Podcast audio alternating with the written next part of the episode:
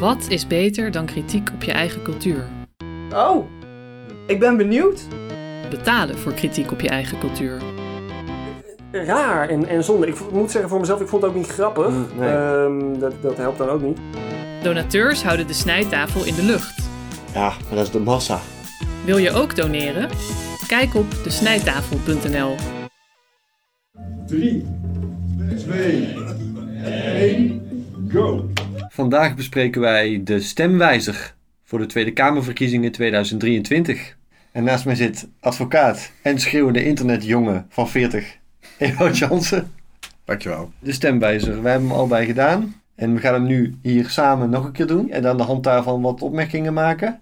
We beginnen met een filmpje over de stemwijzer. Om toch eh, ook een audiovisueel element te hebben. Leuk. We gaan hier zo meteen vieren dat we de stemwijzer lanceren. eh, samen met eh, lijsttrekkers en andere kopstukken van politieke partijen. Klein puntje dat ze wel erg veel samenwerken ook met die partijen. Mm. Zij had bijvoorbeeld al het programma van Onzicht toen heel Nederland nog zat van waar is zijn programma. Toen had Ja, zij ja. al een concept. Anne Oh ja, ja, ja. Valkering. Ze vieren ook samen een feestje. Dat is niet iets heel onafhankelijks om te doen. Nee. Wat is voor u persoonlijk het doel? Uitkomen bij de VVD? Nou, dat zou wel heel mooi zijn. Het is stiekem natuurlijk toch een klein beetje spannend of het er straks eh, uitkomt. Je wil niet bij de VVD uitkomen. Maar het is natuurlijk altijd spannend, hè? Als je even verkeerd drukt, dan eh, zit je zo bij een andere partij. Dus ja, het vinden het lastig om op hun eigen partij uit te komen. Dat is Ja. een beetje de grap van het item. Maar dan kan ik me wel voorstellen dat het vrij gedetailleerde vragen allemaal zijn. Mm, mm. Hoe zijn die stellingen in de stemwijzer nou gekozen?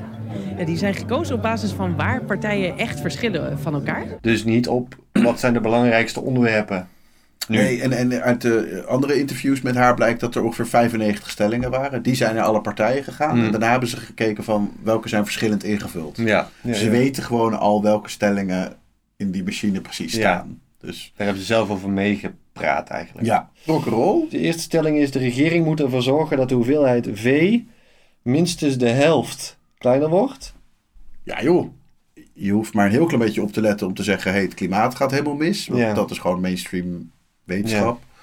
En die precieze maatregelen, ja, daar moet je dan iets beter induiken misschien. Maar ja, ik, ik ben geneigd Hmm. om hier gewoon niks over te zeggen. Gewoon te zeggen, ja, eh, helaas, Ja. eh, tuurlijk. Ja, en echt- niet alleen vanwege klimaat, maar ook vanwege de stikstofproblematiek lijkt het me een goede Ja, maar ja, dat hangt ook weer Eh, een beetje samen natuurlijk. maatregel. Ja, nog los van, uh, mensen eten een koe gewoon op... terwijl ze nog geen punaise in die koe zouden steken voor, Ja. voor geld. Ja, dus eh, eens dan. YOLO. De kijkers kunnen misschien nu denken van... eh, goh, goh, ze zoeken niet zo Goed grondig uit dingen als uit als ik gewend ben. We zouden over al deze stellingen een aparte aflevering kunnen maken. Maar ja, we moeten antwoord geven om de stemwijzer te kunnen doorlopen en becommentariëren. Dus dat doen we dan maar. Zo goed als we kunnen, met weinig tijd voor de verkiezingen, net als iedereen. Lagere prijs benzine. De accijns op benzine, gas en diesel moet omlaag. Nee, natuurlijk niet. Wat me wel opvalt hier, is dat één partij die vindt dat het omlaag moet, de SP is. Vervoer moet voor iedereen betaalbaar zijn. Niet zozeer de klimaatwinst, maar het verlies voor de gewone man. Dat is waar de SP hier op focust. En Maar ja, Tesla is net heel erg in prijs verlaagd. Hè? Dus de Mm. gewone man kan ook wel een elektrische auto kopen. Ja. Als we al die andere auto's gewoon van de markt zouden tieven... dan komt er ook veel meer aanbod voor elektrische Ja. auto's. En je kan het OV ook gratis maken. Ja. Voor de Precies. gewone man. En er komt verderop een stelling over het subsidiëren van elektrische auto's, waarmee je ze ook goedkoper maakt. En daar is de SP ook tegen, omdat elektrische auto's niet voor de gewone man zijn. Hier zou ik zeggen oneens, toch? Ja, tuurlijk. Ja, nee, eh, oneens. ik was er bij de volgende stelling. Eigen risico zorgverzekering. Het eigen risico bij zorgverzekeringen moet worden afgeschaft. Het objectieve informatiestukje van de stemwijzer zegt... De maandelijkse premie gaat omhoog als we dit doen. En PvdA GroenLinks zegt gewoon nee hoor, die gaat niet omhoog. We gaan andere maatregelen nemen waardoor die niet omhoog gaat. De stemwijzer lijkt het hier niet eens met de partijen. Als je dit gewoon los bekijkt... dan weet je niet of er nog een maatregel komt die tegengaat... dat de premie dan Ja. omhoog gaat. Ja. Kijk, als je die maatregel ook neemt... ja, dan Ja. gaat de premie niet omhoog. Ja, Maar als je het aan de markt overlaat... zal natuurlijk logischerwijs nu de premie omhoog gaan. Ja, precies. als we waarborgen dat de premies niet gek stijgen, oké. Ja. En als we het kunnen betalen, oké. Maar ja. dat staat niet in beeld. Je moet gewoon op eens of oneens drukken. Dus Ja. de maatregel die ernaast zou moeten, dat kan al niet. Want je hebt gewoon maar één stelling. Je ziet het is prachtig qua vormgeving en Ja. zo. En het is zo één zin. En dat, hè, je hebt een beetje zo'n kortheidsziekte soms in de samenleving. Alsof mensen zich nog maar op een paar zinnen kunnen concentreren. Ja, ja. En nauwelijks nog met, met een soort halve oog even op één grote groene knop willen drukken. En nergens over na willen denken. Er hangt heel veel misverstanden aan vast. Of mensen zich nog maar een paar tellen kunnen concentreren. Wat gewoon een broodje aap is. Er is helemaal geen wetenschap die dat aantoont. We kunnen ook een film nog kijken. Het is niet zo dat we ons nog maar aftellen kunnen boek lezen. Ja. Ook bij jouw aflevering is het helemaal niet zo dat de kortste afleveringen altijd het beste Nee, bekeken nee. worden. Ja. Heel veel mensen, die, dat hangt van een soort mythevorming aan Ja. elkaar. Alles moet kort, alles moet kort, kort, kort. Voor mij mogen hier best vier of vijf zinnetjes staan. Die kortheidsziekte word je soms helemaal gek van. Eén stelling, één zin. En dan is het een soort...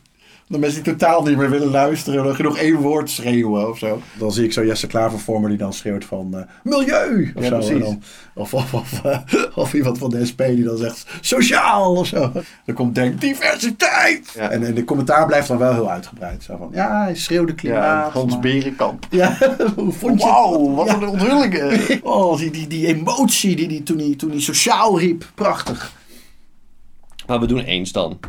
Kiezen per regio. Elke regio in Nederland moet een vast aantal mensen in de Tweede Kamer krijgen. Ik zeg niet dat we nu het perfecte systeem hebben in Nederland. Maar ik durf niet zo goed te zeggen laat het meer Engels of Amerikaans worden. Of... Je wil gewoon niet dat iedereen uit de Randstad komt. Maar Ja. volgens mij is het niet mega belangrijk of, het nou, of het nou Zeeuwen zijn of, of Ja. Groningers. Of, ja. D66 is het eens met deze stelling en geeft als toelichting: alle regio's moeten goed vertegenwoordigd zijn in de Tweede Kamer. Dat kan als kiezers meer invloed krijgen op welke kandidaten van een lijst gekozen worden. Daarom wil D66 de voorkeurstem zwaarder laten wegen. Ik krijg het idee dat D66 hier zegt eens en dan in de toelichting gewoon zegt ja, niet dit, maar Goed, iets zoiets. anders dat dan ook een vergelijkbaar. Ja, dan ben je het dus niet eens. Dat vind ik, D66 moet bij Oneens. oneens staan hier. Ja, ik zou Eh, misschien oneens eh, ja. zeggen. OV voor 65-plussers. Mensen vanaf 65 jaar moeten gratis met trein, tram en bus kunnen reizen. Ik vind gewoon dat iedereen eh, met gratis OV moet kunnen reizen. Als je kijkt naar de hele begroting van de overheid zou het OV gratis maken niet eens zo heel duur zijn. Het is wel heel helder. Ja, als het OV dan ook wordt uitgebreid, zodat treinen niet helemaal uitpuilen, dan ben ik er wel voor, ja. Mensen van 65 jaar moeten extra eh, eh, voordeeltjes. Nee, helemaal niet. Jullie hebben nog een huis, jullie hebben nog een pensioen. Ja. Hoe kan het überhaupt dat er die oudere partijen bestaan? Ik vind het echt Ja. bizar eigenlijk gewoon. Ja. Maar, maar gratis OV ben ik dan weer heel erg voor. En nu haakt het zo in elkaar en dan... Ja, en het kan hier ook echt misgaan, want eh, bij 1 en 50 plus zijn eens met deze stelling. Maar ze zeggen in de toelichting, het openbaar vervoer moet voor iedereen gratis worden. Met andere woorden, jij zou kunnen denken, ja nee, niet voor 50 plus, dat is voor Ja. iedereen, oneens. Ja. En dan sta jij ineens tegenover deze twee partijen die, die vinden wat jij vindt. Maar puur taalkundig zou ik eens zeggen, want ja, het is Ja. beter dan niets. Maar CO2-opslag. De regering moet meer investeren in opslag van CO2 onder de grond. waarom Ja. vragen jullie dit aan mij? Ja. ik weet hier niets vanaf. Ja. Waarom is dit politiek? Dit zijn eigenlijk dingen die helemaal niet politiek zouden moeten zijn.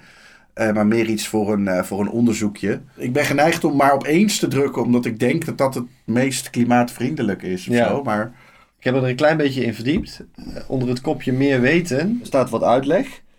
Het is moeilijk om snel helemaal stoppen, helemaal te stoppen moet daar staan, met het verbranden van fossiele brandstoffen. Een tussenoplossing is het bewaren van CO2 onder de grond. De stemwijzer presenteert het hier zelf als een tussenoplossing. En eh, dit is ook hoe de partijen het lijken te zien. Er zijn partijen die zeggen, ja, we hebben het helaas nodig als tussenoplossing. Het gaat allemaal niet zo snel. En dan zijn er partijen, ook juist heel groene partijen, Partij voor de Dieren met name, en ook GroenLinks PvdA, die zeggen, nee, we, we doen geen tussenoplossing, die emissies moeten naar nul. En als we dit gaan doen, dan wordt het maar weer een excuus om die emissies minder snel naar nul te brengen. Maar, wat hier volgens mij vergeten wordt, alleen Volt maakt dat punt.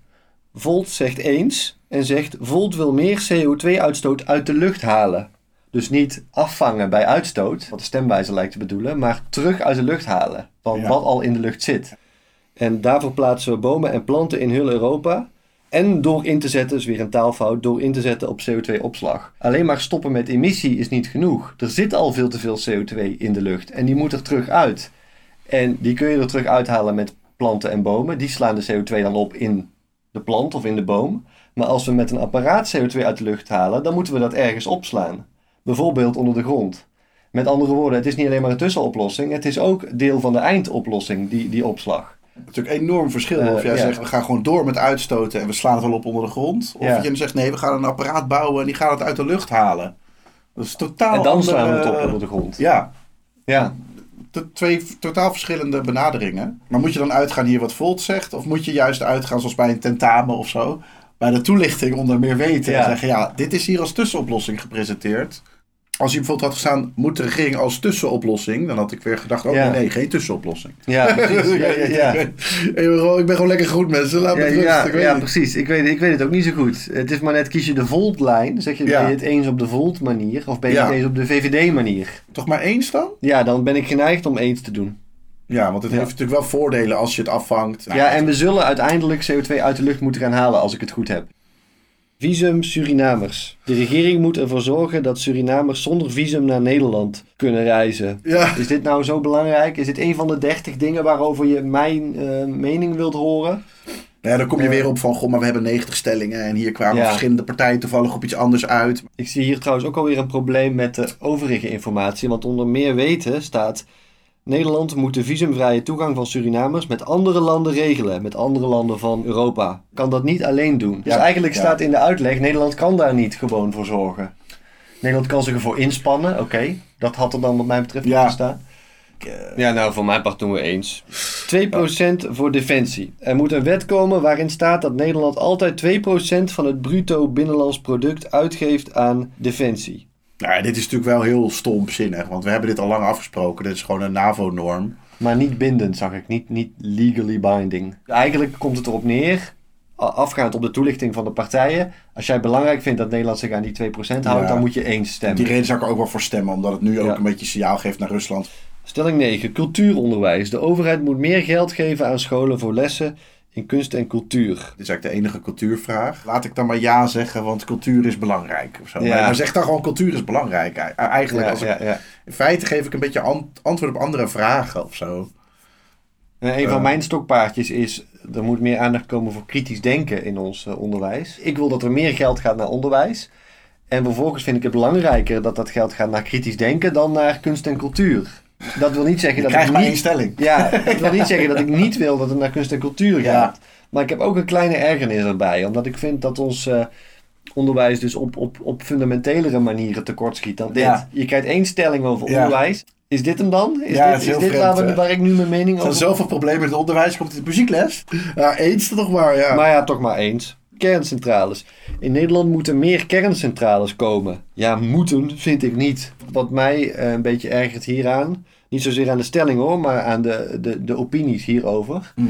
dat het ehm, heel makkelijk gepresenteerd wordt als duurzame energie. Kernenergie. Dat- is- en, en dan het soort duurzame energie waar die groene partijen niet aan willen beginnen. Ja, ja, Eh, ja. Maarten Boudry maakt dat Ja. punt ook. Terwijl eh, voor eh, gangbare kerncentrales moet je uranium hebben. En dat is heel zeldzaam. Het is veel zeldzamer dan olie. Hè, dus als we massaal gaan inzetten op kernenergie, Ja. dan raakt dat echt wel Ja. een keer op hoor. Sabine Hossevelder heeft een video over kernenergie waarin ze onder andere dat punt maakt. If we were to increase nuclear power production by a factor of 10, then within 15 to 20 years, uranium mining would become too expensive to make economic sense. This was pretty much the conclusion of a paper that was published a few months ago by a group of researchers from Austria.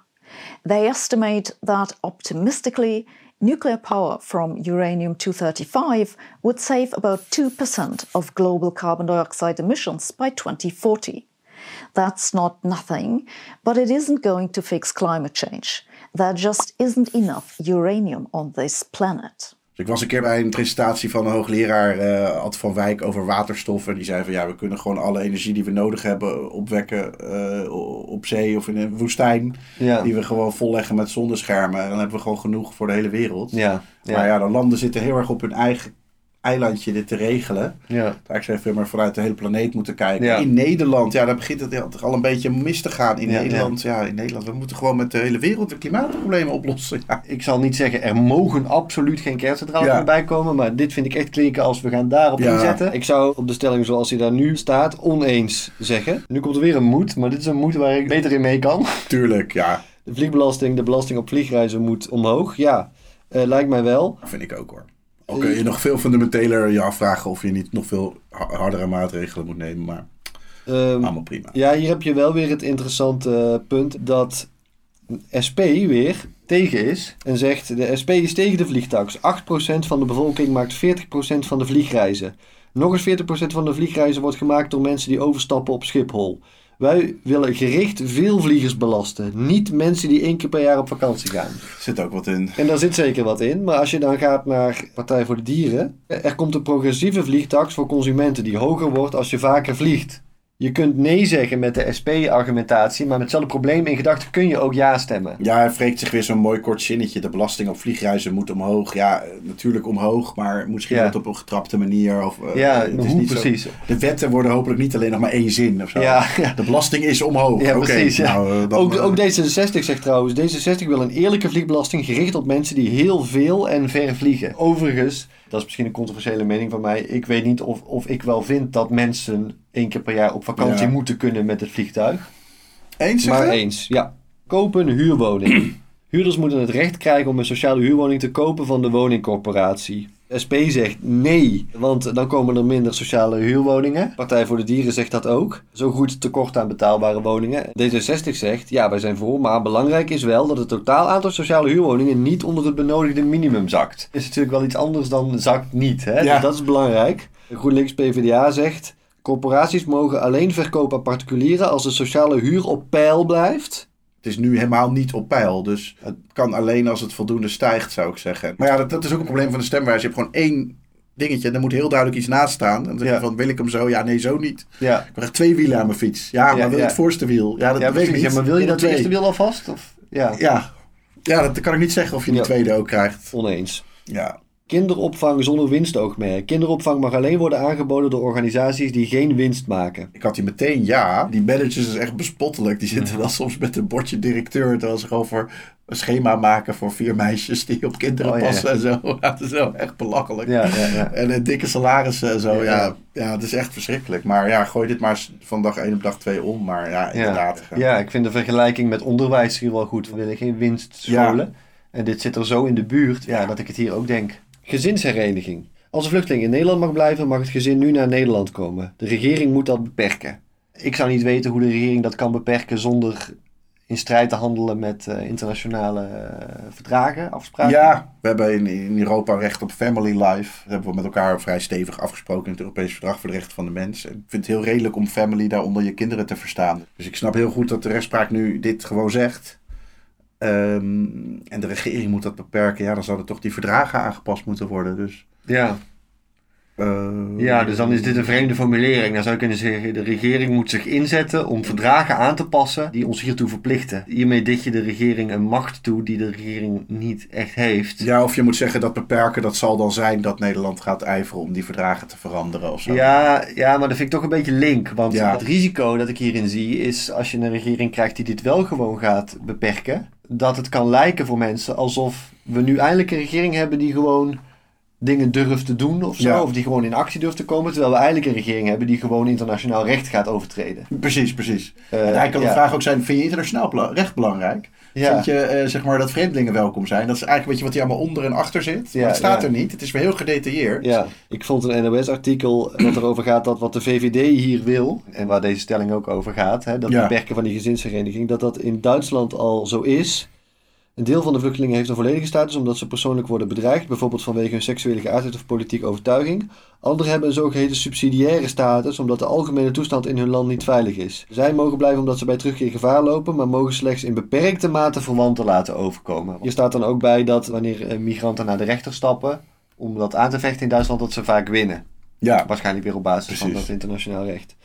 Ja, ik geloof dat Onzicht hier ook voor is. Hè, terwijl hij de mond vol heeft terecht over de rechtsstaat en de overheid moet naar de rechter luisteren. Ja. Hij zet er wel bij dat Nederland zich aan die verdragen moet houden. Maar de toon is wel een beetje gezet en dit is gewoon Ja. niet zo realistisch op dit moment als je je aan de verdragen wil houden. Ik wil hier ook wel even wijzen op de toelichting van D66, want die zijn hier tegen Mhm. en zeggen zelfs dit is geen optie voor ons, terwijl in het afgelopen kabinet is gebleken dat het voor hen wel een optie was om dit te beperken, want direct na die afgrijzelijke opvangcrisis in Ter Apel hebben zij gewoon hun handtekening gezet onder een plan om gezinshereniging te beperken, dat toen ook eh, bij de rechter tegengehouden is, in individuele gevallen wel. Oh ja. Het valt mij hier weer op dat D66 progressiever van de toren blaast Ja, ze zetten anders in. dan ze zijn. Ja. En het doet me ook denken aan die beruchte uitspraak van Kaag tegen Rutte. Hier scheiden onze wegen. En hier scheiden onze wegen.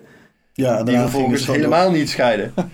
Eh, dit is toch wel een groot probleem dat ik heb met D66. Eén stukken maar? Ja, ik zou zeggen, eh, nee, oneens. Oh, oneens stuk, Eh, oneens ja. me. Je zit gelukkig niet in de Tweede Kamer. Ja, gaat het helemaal mis. Heel vaak misgaan. Ja, ja. Niet beperken. Nee, we gaan het niet beperken, want het mag niet. Ja.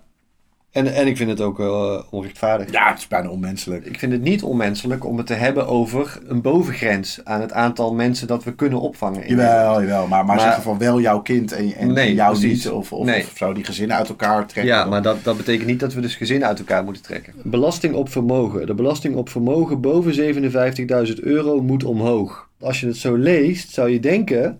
Alles boven 57.000 euro, daar komt hogere belasting op. En 57.000 is niet zoveel. Hè? Iemand Ja. die 58.000 euro heeft op zijn spaarrekening, die is niet heel rijk. Die heeft gewoon een goede spaarrekening. Maar als je eh, ZZP'er bent en je hebt geen pensioen, dan is het helemaal niet zoveel om te Ja, inderdaad. Ja, ja, ja, ja, ja. Als je je eigen Eh, pensioen en, bij elkaar spaart. En ook geen, geen arbeidsongeschiktheidsverzekering. Dus hier zou je nee op kunnen zeggen. Omdat je denkt, ja nee, dit vind ik te gortig. Hè? Van- Vanaf Mm. 2 ton wel bijvoorbeeld. Maar niet vanaf 57.000. Oh ja. Maar kijk je in de toelichting.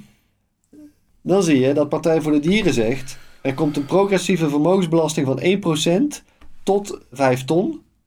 Oplopend tot 5% voor vermogens boven 5 miljoen euro. De vrijstelling wordt verhoogd, zodat gewaarborgd is dat mensen die zuinig hebben geleefd, netjes hebben gespaard, geen belasting hoeven te betalen voor hun spaarzaamheid. Die vrijstelling die Mhm. zit nu op 57.000. Daarom is dat het getal hier. Dat staat onder Ja. meer weten. Hier zou je oneens kunnen kiezen omdat je dit een te laag startbedrag vindt. Maar bij eens zit een partij die zegt ja, dit is een te laag startbedrag. Dat, dat doen we omhoog. Ja. ja, ja. Dus hier kun je Ja. weer je partij mislopen. zeg Ja. maar. ChristenUnie zegt zelfs, we introduceren een brede vermogensbelasting voor vermogens van 1 miljoen euro en hoger. Dus zij willen helemaal niet Ja. eh, hier beginnen, maar pas bij een miljoen. Hier zit trouwens Volt weer bij G van Beide, net zoals eerder. Ja. En wat ze zeggen is, we introduceren belastingmaatregelen die de vermogensongelijkheid verminderen. Wij weten nog niet zeker of dit betekent dat dit voor alle vermogens boven de 57.000 moet. Maar we stellen een belasting voor voor vermogens boven 1 miljoen.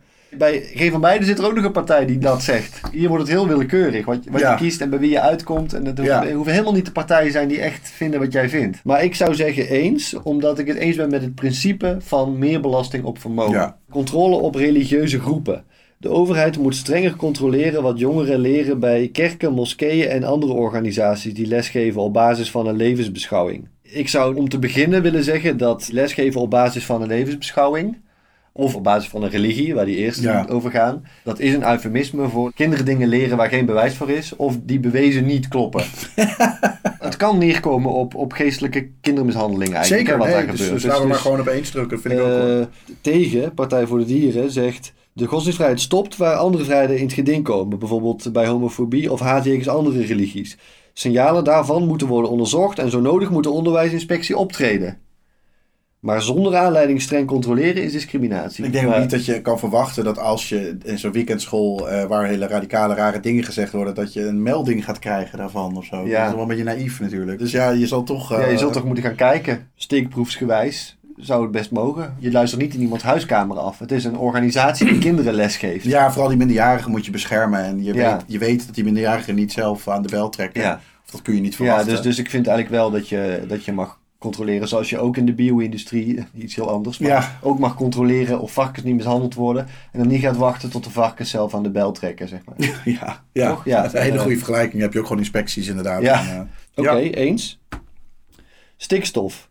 De regering moet ervoor zorgen dat er in 2030 minstens de helft minder stikstof in de lucht komt. Dit is niet zo'n hele interessante stelling, vind ik, omdat de partijen vooral van mening verschillen over het precieze jaartal en het percentage stikstof. Mijn overkoepelende manier van denken hierbij is: het gaat allemaal veel te langzaam. Ja. als het de vraag is, moet het sneller? Ja. Moet het snel? Zeg ik, ja, Ja, snel. ja. Afschaffen kostendelersnorm. Als je recht hebt op een uitkering en je woont samen, moet je hetzelfde bedrag krijgen als wanneer je alleen woont. Ik ben het hier wel een beetje mee eens. Het is gewoon heel regeltechnisch vragen om Ja. ellende en controle van Tandenborstel overheden. stellen, Ja, ja. ik veel, ja. Ik wil toebewegen naar zoiets als een basisinkomen. Ja. En dan vind ik dit een goede stap daar naartoe. Dus gewoon eens doen. Ja, joh. Uitbreiding Europese Unie. De regering moet zich er tegen verzetten dat meer landen lid worden van de Europese Unie. Dit is iets wat de Nederlandse regering gewoon kan tegenhouden. Want ieder land heeft een veto. Dat Ja. staat in de toelichting. Dus hier zou ik zeggen, de regering moet zorgen dat er Ja. geen ander land meer lid wordt. Maar Tot het is nu met Oekraïne, kun je het er eigenlijk niet meer over hebben, mensen. Oekraïne moet er gewoon zo snel mogelijk Ja. bij. Gewoon om ze veiliger te krijgen. Maar dan hebben we wel ineens een oorlog in de EU, Ewout. Ja, maar eh, war is upon us, Casper. Whether we risk it or not. Nou goed, dus misschien eh, ben ik een beetje te veel eh, Mm. in de Star Wars. eh Dit is Lord of the Dit is Rings. Lord of the Rings, sorry. Ja. and will not condone a course of action that will lead us to war. Open war is upon you, whether you would risk it or not. Risicoprofilering op basis van nationaliteit. De overheid mag nooit de afkomst of nationaliteit van mensen gebruiken om risico's op criminaliteit in te schatten. Ik val wel een beetje over die nooit. Ik zeg hem bijna nooit. Russen die rondhangen bij een kerncentrale is misschien iets griezeliger dan Belgen. Nee, nee, nee. Racist. Ik zou zeggen, Ja. de overheid mag op dit moment vooral bij Russen de afkomst of nationaliteit van mensen gebruiken. Dus, dus oneens, toch? Ja. Elektrische auto's. De overheid moet geen geld meer geven aan mensen om een elektrische auto te kopen. Ja, hier heb je dus weer de SP die zegt... eh, elektrische auto's zijn duurder dan vergelijkbare auto's die rijden op benzine. Daardoor kunnen mensen met een relatief hoog inkomen die wel betalen. Het is oneerlijk om deze groep te blijven subsidiëren. Dus de SP zegt, je geeft rijke mensen een auto elektrische auto's te subsidiëren. GroenLinks PvdA zegt, subsidies voor elektrische auto's zijn nu vooral in het voordeel van mensen die al veel geld hebben. We willen sociale ongelijkheid tussen mensen juist verminderen. Daarom helpen we mensen met een laag en middeninkomen om over te stappen op een elektrische auto met gerichte subsidies. En D66 zegt ook, de steun moet vooral gaan naar tweedehands auto's, zodat dit voor zoveel mogelijk mensen bereikbaar wordt. De SP zegt nee, want A. En de andere partijen zeggen ja, want A. Ja, Misschien kun je uiteindelijk wel beter op basis van die toelichting een partij kiezen dan op basis van de uitslag van de stemwijzer. Het geeft me wel inzicht in hoe de partijen denken. Denken, ja. En, en dit is wel wat korter dan de partijprogramma's. Ja. Dat zeker. Dus je, kan, je hebt minder tijd nodig om van een paar partijen te lezen wat hun toelichting ongeveer is. Dus dan doen we oneens? Ja, ik zou oneens, ja. Ja. Er mag wel geld gegeven worden, maar op een verstandige manier. Ja, precies. Maar daar gaan we dan vanuit dat het op een verstandige manier gaat gebeuren. Misschien gevaarlijk om vanuit te gaan. Ja. Hoger minimumloon. Het minimumloon moet binnen drie jaar van 11,51 euro bruto per uur naar 16 euro bruto per uur. We hebben juist ZZP'ers die helemaal geen minimumloon hebben. En we hebben in Nederland een soort idioot voorportaal ontwikkeld. eh, waarbij eh, heel veel wet en regelgeving ervan uitgaat dat ZZP'ers ondernemers zijn. Ja. Hè, consultants met, met uurlonen van honderden euro's per Ja, uur. ja. Die kiezen voor ondernemersrisico. En die je dus op allerlei manieren niet hoeft te beschermen. En, en, en, en nu hebben mensen bedacht van... Nee, maar we hoeven, dat, dat we hoeven niet per se consultants en managers te zijn. We kunnen juist dat gebruiken om mensen helemaal buiten het arbeidsrecht te zetten. En het aantal ZZP'ers is gigantisch. En die ZZP'ers die zijn helemaal niet de hoogste rang. Ja. Die zijn juist lage rang. Die hopen dat ze een keer een contract krijgen. Ja. En in die context is het gewoon zo idioot om maar te blijven soepatten over die mensen die wel dat contract hebben. Mogen die naar 16 euro? Mogen die dit? Mogen die dat? Ja, hallo, er zitten allemaal journalisten die gewoon eh, freelancer zijn. Ja. Er zijn allemaal mensen in het theater die gewoon freelancer zijn. Die hebben helemaal niks. Die krijgen Ja. geen vakantiedag. Niks, niks, niks. Wat ergert hier is wat er ontbreekt. Ook al is Ja. dit een redelijk punt. En dan heb ik Eh, ook hè, de SP, is een, eh, misschien kunnen we dat filmpje heel even laten zien, maar die- de SP zingt dan van... eh, Het is, het is van mij. Na al die jaren wil ik vrij. dat is toch niet het socialisme, jongens? Laten we Ja. problemen oplossen voor elkaar. Ja. Solidariteit. Ja, Eh, eh, solidariteit met mensen die niet een vast contract hebben gekregen. Ja. Ja, en een mooi pensioen. De SP heeft wel een tekst op zijn website waarin gezegd wordt dat ZZP'ers en werknemers een gezamenlijk front moeten vormen. Dat moet gezegd. Maar ook in die tekst lijken ze niet echt te aanvaarden dat die schijnzelfstandigen gewoon werknemers zijn die uitgebuit worden. Ik vind het allerlelijkste die mediaorganisaties die zich ook allemaal totaal schuldig gaan maken. En Ja. dan en maar schrijven over dit soort thema's. Terwijl ze zelf gewoon Ja. ja, toch half evil zijn met, met, met hoe ze ZZP'ers Ja. behandelen. En ik verdenk ProDemos er ook van. Hmm. Met die leuke jonge mensen die rondleidingen in Den Haag geven. Nou ja, half Nederland hangt van ZZP'ers aan elkaar. Ja. En het kan, gewoon echt niet. Maar er komt nu wel misschien een verplichte arbeidsongeschiktheidsverzekering. Nou, fantastisch. ja, hoor. Ik zeg al zo lang, wat er moet gebeuren is gewoon een minimumloon voor ZZP'ers. Ja. En dan is het ook meteen afgelopen. Hè? Dus zeggen je, nee, nee, eh, ga maar door met die ZZP'ers. Je moet ze wel 100 euro per uur betalen, minimaal. Maar Ja, ja. nou, dan alle ZZP'ers krijgen ze meteen eh, minimumloon. Ja, Geen probleem. Dan Zo kun je het oplossen, denk ik. Ja. Ja. Ja. Nou, verschrikkelijk. Maar goed, oké. Ik ga dan toch nog op eens klikken ook nog. Ja, ja we gaan toch op verschrikkelijk. eens. Ja, het mag wel, omhoog, of het, het moet Ja. omhoog. Ja, Ja. ja. Bouwen op landbouwgrond. De regering moet het bouwen van woonwijken op landbouwgrond gemakkelijker maken. Ik ben heel erg tegen de verstedelijking van Nederland. Hmm. Eh, maar tegelijkertijd is het natuurlijk een heel groot probleem met woningen. Je ziet ook dat de partijen, zowel eens als oneens, zeggen ja, vooral in stedelijke gebieden bouwen, maar als het moet, ook daarbuiten. Er zijn maar een paar partijen die echt zeggen ja, let's go. Bij één eigenlijk vooral, die zegt dit doen we door middel van onteigening en actieve verhuizing. Heel simpel. Wegwezen.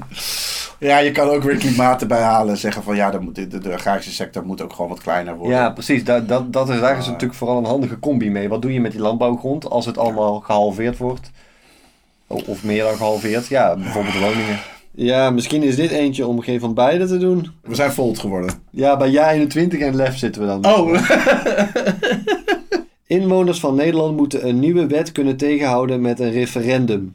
Ik ben daar huiverig voor. We hebben een representatieve democratie. We kiezen die mensen om, om namens ons verstandige beslissingen te maken. En ik weet niet of ik er dan wel zo, zo voor ben dat we die dan weer ieder moment terug kunnen fluiten. Omdat een of andere belangengroep zich er over boos over maakt en dan genoeg handtekeningen krijgt. Ik ben altijd wel voor referenda, maar ja, je hebt natuurlijk heel veel details waar je over na moet denken. Van hoe hoog Ja. moet het aantal mensen zijn die je voor referendum zorgen. Misinformatie in die campagnes is ook wel een heel groot probleem. Hè? Dat je zegt Ja. van ja, eh, stem op de brexit en dan zijn alle ziekenhuizen voortaan, eh, hebben veel meer personeel en dan gaat alles geweldig. En Oekraïne, denk ik dat heel veel mensen die, die daarop gestemd hebben vanuit een soort idee van de EU is een beetje bureaucratisch en daar moet maar eens goed over nagedacht worden. Die nu heel erg op hun neus kijken, hoop ik, met Oekraïne en denken van oh, hoe kan ik daar ooit eh, tegen hebben gestemd. Als referenda eerlijk zijn, met goede voorlichting omringd, redelijke drempels tegen zo'n belangengroep. Ja, als, als, als, ik weet Ja, het niet. ja. Ja, je staat hier alleen maar een referendum, dus ja. Het is wel een soort van stemwijzer ook weer. Hè? Dus je krijgt dan een wet en dan moet je dan ja of nee op zeggen. En sommige Ja. mensen zullen nee zeggen omdat ze de wet Geen niet... van beide. Ja. Sommige mensen zullen nee zeggen omdat ze de wet niet ver genoeg vinden gaan. Anderen omdat ze de wet te ver vinden gaan. Eh, Ja. En zo kan een wet stranden die eigenlijk best redelijk is. Ja, Ja, ik ik- ben ervoor om hem over te slaan eigenlijk. Vuurwerk. De regering moet het afsteken van vuurwerk door particulieren helemaal verbieden. Nou, hier ben ik enorm voor. ik ben hier ook heel erg voor. Vanuit het perspectief van het ziekenhuis Ja, is het ja. gewoon echt retarded. Want er komen gewoon elk jaar komen er allemaal idioten binnen. Die gewoon hun eigen poten eraf... eh, ja, dat is natuurlijk gewoon zo'n belachelijke Ja. scène. Ja. En, en het lawaai, man. Ja, ik vind het echt Ja. verschrikkelijk. Ja, en de eh, luchtvervuiling. dit is wel echt een achterlijke neiging. Ja, gewoon. heel veel vuurwerkoverlast die wij nu hebben, is al illegaal. Gebeurt Ja, op momenten nee, die klopt, niet mogen. klopt. Gebeurt met vuurwerk dat je helemaal niet mag hebben in Nederland. Ja. Eh, en ook nog op een onveilige manier afgestoken. Alleen maar op papier zeggen het mag niet meer. Ja, dat maakt niet dat ze meteen ophouden. Nee, dus er- zeker dat. Dus er moet handhaving ook zijn. Ja. Anders heb je hier niks aan. Maar dit gaat de handhaving wel makkelijker maken. Dus daarom moeten we het zeker doen. Duurzame bedrijven. De overheid moet bedrijven minder geld geven om duurzamer te worden. Ja, dat vind ik ook wel zo lastig. Moeilijk, hè? Ja. Grote bedrijven Ja. ja, die hoef je geen geld te geven. Maar nou, ja, daar zijn we weer. De ZZP'ers, die zijn ook bedrijven. Ja, die moeten misschien wel af en toe een beetje subsidie krijgen. Bij één is hier geen van beide. En heeft ook, vind ik, de beste toelichting. De lasten moeten eerlijk verdeeld worden. Dit betekent dat mensen met lage en middeninkomens en kleine ondernemers niet de lasten dragen van grote bedrijven. Grote bedrijven moeten zich zelf vergroenen. En als ze dat niet kunnen, worden ze genationaliseerd. zeg, zeg bij één. Oké, oké. Nou, ik weet niet of ik het met alles eens ben, maar, Ja. maar wat er nu gebeurt, dat hebben we besproken met Simon Mega Ja. in de aflevering van Plastic, is dat er een heel groot deel, 22 miljard van de 35 miljard klimaatbudget, gaat naar de grootste vervuilers. Ja. Met dat in gedachten zou ik wel zeggen, ja, minder. Minder Ja. geld. Ik heb toch steeds de neiging om te denken van als je dat op een redelijk genuanceerde manier gaat doen, oké. Ja, ja. En jij, soms weten we gewoon van ja, maar ze doen het helemaal niet op een redelijke Ja. genuanceerde Ja, dat is manier. vaak het We probleem. know dat het helemaal misgaat. Ja. Nou, als je kijkt naar eens, dan staan daar vooral de rechtse partijen die weinig Ja. aan klimaat willen doen. Vooral. Maar ook Ja. Partij voor de Dieren staat ertussen en SP. Ja, ja dat is ook weer een probleem. Want wij vinden dit heel problematisch. Maar ik denk juist dat hij daarom werkt. Je krijgt een leuke splitsing. Omdat ja. stelling raar is. Ja, krijg je precies. een leuke splitsing. Ja. ja, misschien geen van beide hier doen. Ja. Voltooid leven. Mensen die vinden dat ze klaar zijn met hun leven, moeten hulp kunnen krijgen bij zelfdoding. Dus voor mij een vrij eenvoudige eens.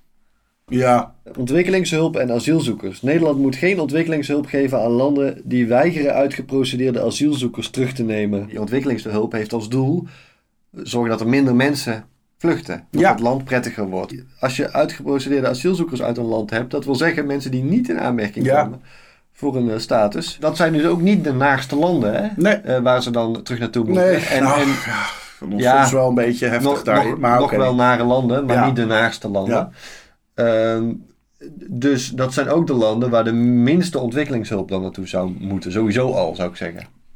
Maar, in de, Maar ja, of de meeste, want, want de allerlaatste landen wil je misschien helemaal geen geld naartoe ja. sturen. Dus Die dat zijn landen die je nog echt kan helpen naar een soort van eh, eh, eh, een beetje een democratische samenleving. Ja, precies. Ja, ja. En, Ja. en ja, daar kun je misschien het meeste goed doen zonder dat de overheid het geld komt afpakken. Ja. Maar ja, dan ben je misschien al niet met de zieligste mensen bezig. Ja. ja, het is gewoon hele grote dilemma's. Er is wel iets heel geks, vind ik altijd, dat er landen zijn Ja. waarvan je zegt: oké, mensen die uit jouw land vluchten, die Ja. gaan wij hier veilig eh, neerzetten. Ja, ja. En, en dat je dan niet vervolgens zegt van en we gaan zo'n beetje de oorlog verklaren aan jou als land. Want Ja, er- blijkbaar vluchten er mensen die verschrikkelijk behandeld zijn. Ja. Het is een beetje zo van een huis in brand staat in jouw straat. En je gaat niet dat huis blussen, maar je gaat gewoon nadenken. Hoeveel mensen kan ik in mijn, in mijn woonkamer erbij zetten? Hoeveel mensen kan ik in de tuin plaatsen? Er moet er misschien een centrum komen voor die mensen. Terwijl Ja. Dat huis staat er gewoon af te branden. En Ja. ja. Ja, maar als ik, dat, als ik die brand ga blussen, dan krijg ik kritiek. Dan zeg ik, Ja. waar, waar moei je mee? Je staat trouwens wel bij meer weten. Soms stelt de regering voorwaarden aan ontwikkelingshulp, zoals het inzetten van Nederlandse bedrijven. Dan komt het geld gewoon weer terug. ja, misschien moeten we hem gewoon eh, overslaan. Ja. Huurstijging. De huurprijs van woningen mag de komende drie jaar niet stijgen. In de regel zou ik hier best voor zijn. Ja, gezien de huidige moeilijkheden. D66 zegt hier eens, maar in de Ja. toelichting staat: we beperken de huurstijgingen.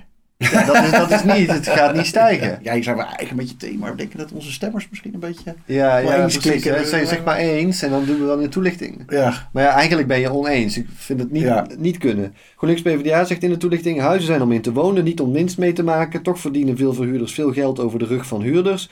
We voeren een puntensysteem in voor alle huurhuizen. Dat is een andere maatregel. Zodat je een eerlijke prijs betaalt voor wat je krijgt. Daarnaast komt er huurverlaging voor slecht geïsoleerde woningen. Dat gaat over iets anders. Ben je het nou eens of ben je het nou oneens? Ik vind dat de stemwijzer daar strenger op moet zijn. Eens doen? Ja. Nou, en dan de laatste. Minimumstraffen. Er moeten minimumstraffen komen voor mensen die zwaar geweld gebruiken. Ik ben hier eigenlijk niet heel erg voor of tegen. De partijen zijn wel allemaal echt voor of tegen. Wat me wel opvalt is dat bij de partijen die er tegen zijn, dat die zeggen, meerdere zeggen dat ook, de regering mag niet op de stoel van de rechter gaan zitten. Ja, nee, dat vind ik heel belangrijk. Nee, dat is zo dom. Want ik, ja. ze mogen gewoon wetten bedenken. Dat is wel gewoon de taak van, van Ja. de wetgever. Het is juist goed als de wetgever af en toe een beetje naar de rechtspraak kijkt. En denkt Ja, van, pakt het wel zo uit als wij het bedoeld hadden? Eh, eh, wat willen we dat die mensen ongeveer doen? Dat, dat is een beetje het idee van een wet. Hè? Het is ook een soort instructie aan de rechter. De rechters hebben nu een marge van 0 tot. Straf X. Daarin mag de rechter dan maatwerk leveren. Ja. Eh, maar als je die marge verkleint, dan ga je op de stoel van de rechter zitten. Terwijl in de stemwijzer die gaat over eh, daadwerkelijke moties in de Kamer. Daar zit een motie tussen die voorstelt de maximumstraf te verhogen voor doodslag van 15 naar 25 jaar. En veel van de partijen die hier tegen minimumstraffen zijn, die zijn daar ook tegen die verhoging van die maximumstraf. Terwijl je daar de vrijheid van de rechter juist groter mee maakt. Maar waar Helemaal komt het dus op neer? Als er staat zwaardere straffen of minimumstraffen, of in ieder geval als de toon is... we gaan mensen harder aanpakken, Ja. dan zijn ze tegen. Op zich ben ik ook wel tegen die toon hoor. Maar ja, Nee, ik denk ook dat het veel beter is om te werken aan de pakkans in de regel dan aan de eh, strafhoogte. Wat moet je doen om de pakkans te verhogen? Bijvoorbeeld investeren in de politie. En Ja. daar hebben we weer geen stelling nee, over. ja, er moet eigenlijk een knop komen Eh, met je snapt er geen reet van. Ik, ik, ik wantrouw Ja. deze richting een beetje. Ja, Dus ik zou wel. primair een beetje oneens drukken. Maar dat is meer omdat een bepaald type mens dit zegt waar Ja, ik het gewoon vaak niet zo mee eens ben. Maar Ja, nou we kunnen ook oneens doen wat mij betreft hoor. Want het is wel echt moeten. het moet niet. Nou, dat hebben ze gedaan. We kunnen nog onderwerpen extra belangrijk maken. We kunnen vuurwerk wel aanvinken, toch? Oké, ja, vuurwerk. Ja hoor. Misschien verder maar niks. Ja, want anders lijkt het net alsof ik zeg, ja, geweldige stelling, cultuuronderwijs. Dat is helemaal wat er aan de hand is in de culturele Ja, sector precies. en in het Ja, hele ja. onderwijs. Ja, inderdaad. Ja, Ja. alles meegevangen. Fantastisch, vind ik. Weet je wat? Ja. Ik vind juist een van de slechtste stellingen vond. Ja. En maar alle partijen doen gewoon? Ja, joh, rock'n'roll. Yo, gaat anders dan eerst. Oh, wacht even, we krijgen extra stellingen. Oeh, willen we dat? Of willen we toch juist niet al die gekkies? Die had ik vorige keer niet uiteindelijk. Dan doen we alleen de zittende partijen toch. Oké, dan krijgen we gewoon een resultaat. GroenLinks PvdA op 1. Partij voor de Dieren op 2. Bij 1 op 3. En dat zit heel dicht bij elkaar. 79 en 72. En hier zie je zelfs 72, 72. En dan lijkt Partij voor de Dieren... staat echt op de tweede plek of zo. Terwijl het Ja, gewoon ja. een gedeelde plek is Ja. niet bijeen. Dus waarom Ja. staan ze dan... Hè, ja, omdat er gewoon de opmaak zo is. Dit blijft toch zo in je hoofd zitten. Van ik ben 79% GroenLinks. Je gaat er een beetje mee rondlopen. Ik heb Ja. net had ik nog allemaal problemen met al die stellingen. Ja, ja. Nu ben ik opeens 79% GroenLinks PvdA. Het is te precies. En de verschillen zijn soms zo klein dat je eigenlijk zou moeten toegeven dat je niet zo'n hele duidelijke uitslag Nee, maar je kunt natuurlijk wel, je ziet wel een beetje in welke hoek je zit. Links PvdA, Partij voor de Dieren, Bijeen, D66, Volt, SP. We hangen naar links. Dat is duidelijk. Ja. Maar veel meer zou ik er niet uit durven afleiden. Dat is wel een magere score voor al die eh, stellingen. Ik dacht, mijn kritiek zou zijn, dit zijn veel te weinig stellingen om een orde op te baseren. Maar ik vind het vooral te korte zinnen en te detailistische dingen. Ja. Als je zegt, wat vind ik van cultuur en van onderwijs? Ja, dan moet je niet kijken naar muziekles. Omdat dat een beetje toevallig gek is ingevuld door wat partijen of zo. De kijker heeft kunnen zien hoe wij hebben getwijfeld Ja. heel veel stellingen. En dat maakt dus ook dat we kunnen twijfelen over de exacte volgorde Ja. van deze uitslag natuurlijk. Want dat heeft te maken met heel veel beslissingen waarvan we dachten, ja, doe maar dit. Ja. Doe maar dat. Soms zie je ook dat een partij geen van beide eh, zegt. Ja. Met bijna dezelfde toelichting als de partij Als die eens, ja. zegt. En soms zie je, dat vind ik misschien wel het meest ernstige, belangrijk om te benoemen, dat een partij eens zegt en dat uit de toelichting blijkt dat het eigenlijk oneens is. Ja. Ja, en als Dus de je- verschillen dan maar een paar stellingen zijn, dan is het wel heel stellen. Is het, lijkt Ja. het nu wel hele grote verschillen opeens.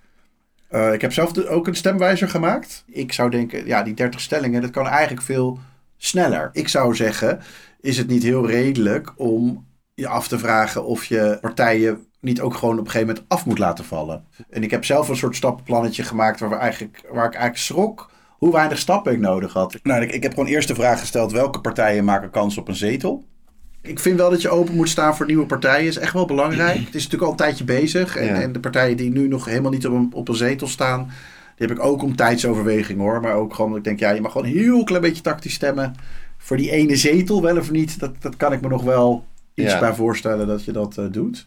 Wat ik vooral interessant vond, is... eh, hoeveel partijen er eigenlijk gewoon afvallen... als je gewoon een hele simpele vraag stelt... zoals welke partijen scheiden religie en politiek... Ja. Eh, Als je gewoon onderkent dat dat, nou, op zijn minst risicovol is Ja. om dat te mixen. En het is ook helemaal niet nodig, want er zijn Ja. allerlei partijen die het niet mixen. Ja, ik zou gewoon al die partijen in één keer af willen laten vallen. En ik, ik vind zelf ook wel fair om Denk af te laten vallen. Om, Hmm.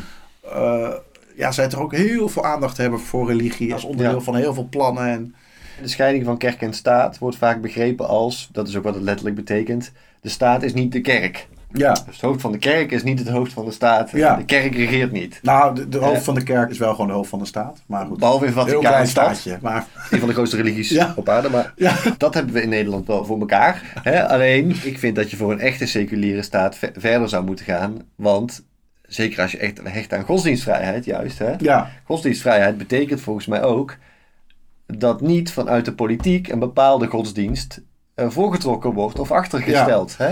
En dat krijg je sowieso wanneer je religie toestaat in de politiek.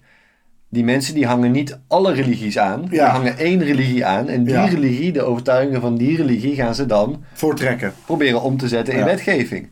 Dus het is juist een bedreiging voor de godsdienstvrijheid. Menging van, van religie en Ja, politiek. Niet voor de godsdienstvrijheid van die partij, maar wel voor de godsdienstvrijheid van de andere Van partij. alle andere religies. En van Ja. atheïsten, die Ja. vaak ook vergeten worden. Ja. Eh, Er is geen atheïstische partij, dat Nee. valt me ook op, ja. Maar dan heb je dus maar één vraag, super redelijke vraag, super redelijk antwoord. En dan vallen al superveel partijen gewoon helemaal af. De volgende vraag, die gewoon heel selecterend werkt, is welke partijen zien de urgentie van de klimaatcrisis? En dan valt er ook superveel af. Waaronder omzicht, hè? Waaronder omzicht, ja. En dat is toch wel eh, opvallend. Nieuw sociaal contract. Hij heeft af en toe wel redelijke dingen over het klimaat gezegd. Ja. Maar als je het programma kijkt, dan valt meteen op. eh, als je de inhoudsopgave bekijkt, dat eigenlijk voor klimaat geen aandacht is. Hij zegt Ja. een paar dingetjes over. Maar ik vind het heel fair. Ik denk ook echt niet dat hij daar zelf überhaupt van zou kunnen zeggen dat hij het ermee oneens is. Hij Mhm. heeft dat niet als urgent in zijn programma staan. Dat Ja. Misschien dat ook kijkers van de snijtafel denken, ja, maar die zegt toch hele goede dingen over Groningen, over de toeslagenaffaire, over, dat de betere grondwet. Ja, nou, de aflevering moeten we ook nog een keer maken. Maar, maar eh, eh, eh, als zou dat nou zo zijn, hè? Maar willen we dan zeg maar Nederland onder water en, en, en Ja. een goede regeling met, met de gedupeerden in Groningen over, Ja, over ja. de gasschade? Ik bedoel, ja. ik snap gewoon niet zo goed hoe dit überhaupt politiek is geworden, het klimaat. Ja. Want het is gewoon een, een feitelijk, technische, wetenschappelijke Ja. kwestie. Ja. Het is niet politiek. Nou, ja, het is heel frustrerend af en toe. Dan denk ik De van, precieze niet- oplossingen, daar kunnen Ja. politie over van mening verschillen. moet CO2 onder de grond. En daarvan denk ik ook bij zo'n stemwijzer, ja, dat, dat weet ik dan misschien niet. Maar ik zeg wel, maar dat urgent, ja. En als Boudry, eh, eh, die hier ook wel eens zit, Ja, zegt ja. van ja, maar eh, het grote risico is dat ze in Brazilië de, de, de oerwoud gaan kappen om, om, om daar dan rundvlees te gaan maken. Dus Als een wij hele- hier de, de veestapel halveren Ja. of zo. Ja, ja. Oké, maar ik bedoel, ik, ik heb een kleine twijfel. Is die, is die beer op de weg oprecht? Want Ja. het komt wel vaak uit de hoek van mensen die steeds alleen maar beren op de weg zien. Ja. Maar goed, als dat een serieus probleem is, ja, dan moeten we misschien met Brazilië gaan praten. Dan moeten we zorgen dat dat niet gebeurt. Ja, ja. Maar het, stilstand is geen optie, zeg maar. En, dat, en dat, eh, eh, als je gewoon dat al als selectiecriterium neemt, dan ben je super redelijk volgens mij. Dan Ja. zeg je nog allerlei plannen zijn goed. Maar pak je het urgent op. Groen rechts hebben we gewoon niet. Ja. Eigenlijk valt gewoon heel rechts nu af. Ja. Als je nog twijfelt over omzicht, daar Google ook een beetje klimaatomzicht. Ook heel veel mensen op internet hebben op een rijtje gezet. eh, Ja. Wat te gek. En ook bijvoorbeeld dat de hele expertise lijkt te ontbreken op de lijst ook. Hmm. Hè, ze hebben bij die kandidaten ook niet gedacht van ja, er moet wel iemand straks veel van het klimaat afweten. Die gaat dan dat woordvoerderschap doen of Ja, zo. ja. Maar het blijkt ook uit dingen die hij nu zegt, hè, dat hij heel graag een rechtse regering wil. Ja. Eh, een centrumkabinet eh, behoort zeker tot de mogelijkheden. Daar zitten dan in een subsectie van VVD, NSC, BBB, CDA, SGP, ja Oh. 21. Oh. En dat, dat dus, eh, impliceert eigenlijk al dat je het klimaat niet zo belangrijk vindt. Ja, ja. Nou, 50 plus vind ik lastig om hier te laten afvallen. Hmm. Omdat ze nog wel wat goede dingen in het programma hebben staan. Maar 50 plus kunnen we toch gewoon wegdoen. Omdat het gewoon 50 plus, bedoel... Een one-issue partij voor 50-plussers lijkt me niet wat het land nu nodig heeft. gezegd. Die doen we ook gewoon weg. Ja. Ik zou bij één wel wegdoen. Ondanks dat ze af en toe hele goede dingen zeggen. Ook in de stemwijzer. Sylvana Simons heeft nou, trouwens af en toe ook wel hele rare dingen. Maar af en toe ook hele goede dingen. Mhm. Uh, maar ze hebben heel veel intern gedoe. Uh, ze hebben weg uit de NAVO. Ja. Nu, in deze tijd, is dat echt Ja, best wel leger, decadent ja. om te zeggen. Ja. We gaan weg uit de NAVO. Welke partij hebben we nou over? We hebben Volt over. We hebben D66 over. We hebben GroenLinks, PvdA over. En we hebben SP over en de Partij voor de Dieren. Dan heb je partijen over die je heel makkelijk eigenlijk kan ordenen op internationalisering. Bij één kun je ook heel goed op internationalisering laten afvallen vanwege dat NAVO-standpunt. Ja. Maar D66 en Volt, hè, die zijn heel duidelijk internationaal georiënteerd. Die zien bij heel veel problemen in van dat moeten we internationaal oplossen. Heel kritisch op de EU bijvoorbeeld zijn de SP en de Partij voor de Dieren. Ja. Veel van die partijen die, die hebben gewoon redelijke dingen in het programma staan. Als je Mhm. dat leest denk je, nou dat zou mooi zijn als dat allemaal lukt. Hè, maar je moet ook een beetje kijken, zijn het integere kandidaten? En Ja. Daar dacht ik eerst van ja, integer, een vaag begrip, daar kom je nooit achter. Maar Mhm. ja, er zijn ook gewoon hoogleraren eh, eh, die daarmee bezig zijn op een wetenschappelijke manier. Eh, er wordt dus een politieke integriteitsindex gemaakt, die steeds wel in verschillende tijdschriften verschijnt. Dus het is soms wat lastig om allemaal heel duidelijk tot je te nemen. Maar je ziet toch heel vaak VVD, Mhm. CDA daarin voorkomen. Echt wel heel veel vaker dan de andere partijen. Ja. Dan zie je toch ook PvdA veel voorkomen. D66 redelijk. Maar GroenLinks en SP wel heel veel minder. Relevant minder. Ja. En dan, dan zeggen mensen wel vaak van ja, maar ja, het zijn ook gewoon kleinere partijen. Daarom hebben ze ook minder integriteitsschandalen. Mm. Maar Forum voor Democratie en de PVV hebben toch scoren weer relatief hoog. Ja, terwijl ja. ook kleine partijen zijn. Dus je kan blijkbaar ook als je klein bent en niet zoveel bestuurders levert, kun je gewoon veel eh, integriteitsschandalen eh, hebben. Het zou zo kunnen zijn dat in principe bij normale partijen, zeg maar, neemt het aantal van dat soort problemen toe naarmate de partij groter wordt en meer Ja. bestuurders heeft. En hebben kleinere partijen dus relatief weinig van soort problemen. Er zijn partijen zo verrot dat, ze klein zijn en toch... Ja, ja oké. Maar je kan ook heel goed kijken naar die eh, gele kaarten en rode kaarten die de orde uitdeelt. De orde van advocaten. Ja, Ja. en dan heeft D66 vind ik wel een enigszins terechte kanttekening van joh, politieke partij verbieden met als criterium bedreigen van de democratische rechtsstaat. Ik kan me voorstellen dat er momenten zijn waarop je een partij wil verbieden, maar het is wel een vrij heftige maatregel die desastreus uit kan pakken. Bijvoorbeeld juist in de handen van de FVD en, Ja. en de PVV. Hè? Wat mij wel een beetje irriteert in die discussie over de partijen verbieden, Mhm. is dat eh, partijen die zeggen de democratische rechtsstaat en we moeten gewoon het oordeel van internationale rechters respecteren, Ja, ja. op dat moment niet echt het oordeel van internationale rechters respecteren als ze dat problematiseren. Want de internationale rechter, en hier het Europese Hof voor de Rechten van de Mensen heeft juist gezegd Ja. dat je wel degelijk een partij kan verbieden. Ja. En bijvoorbeeld de partij die Erdogan had, die gewoon openlijk streefde naar invoering van islamitisch recht.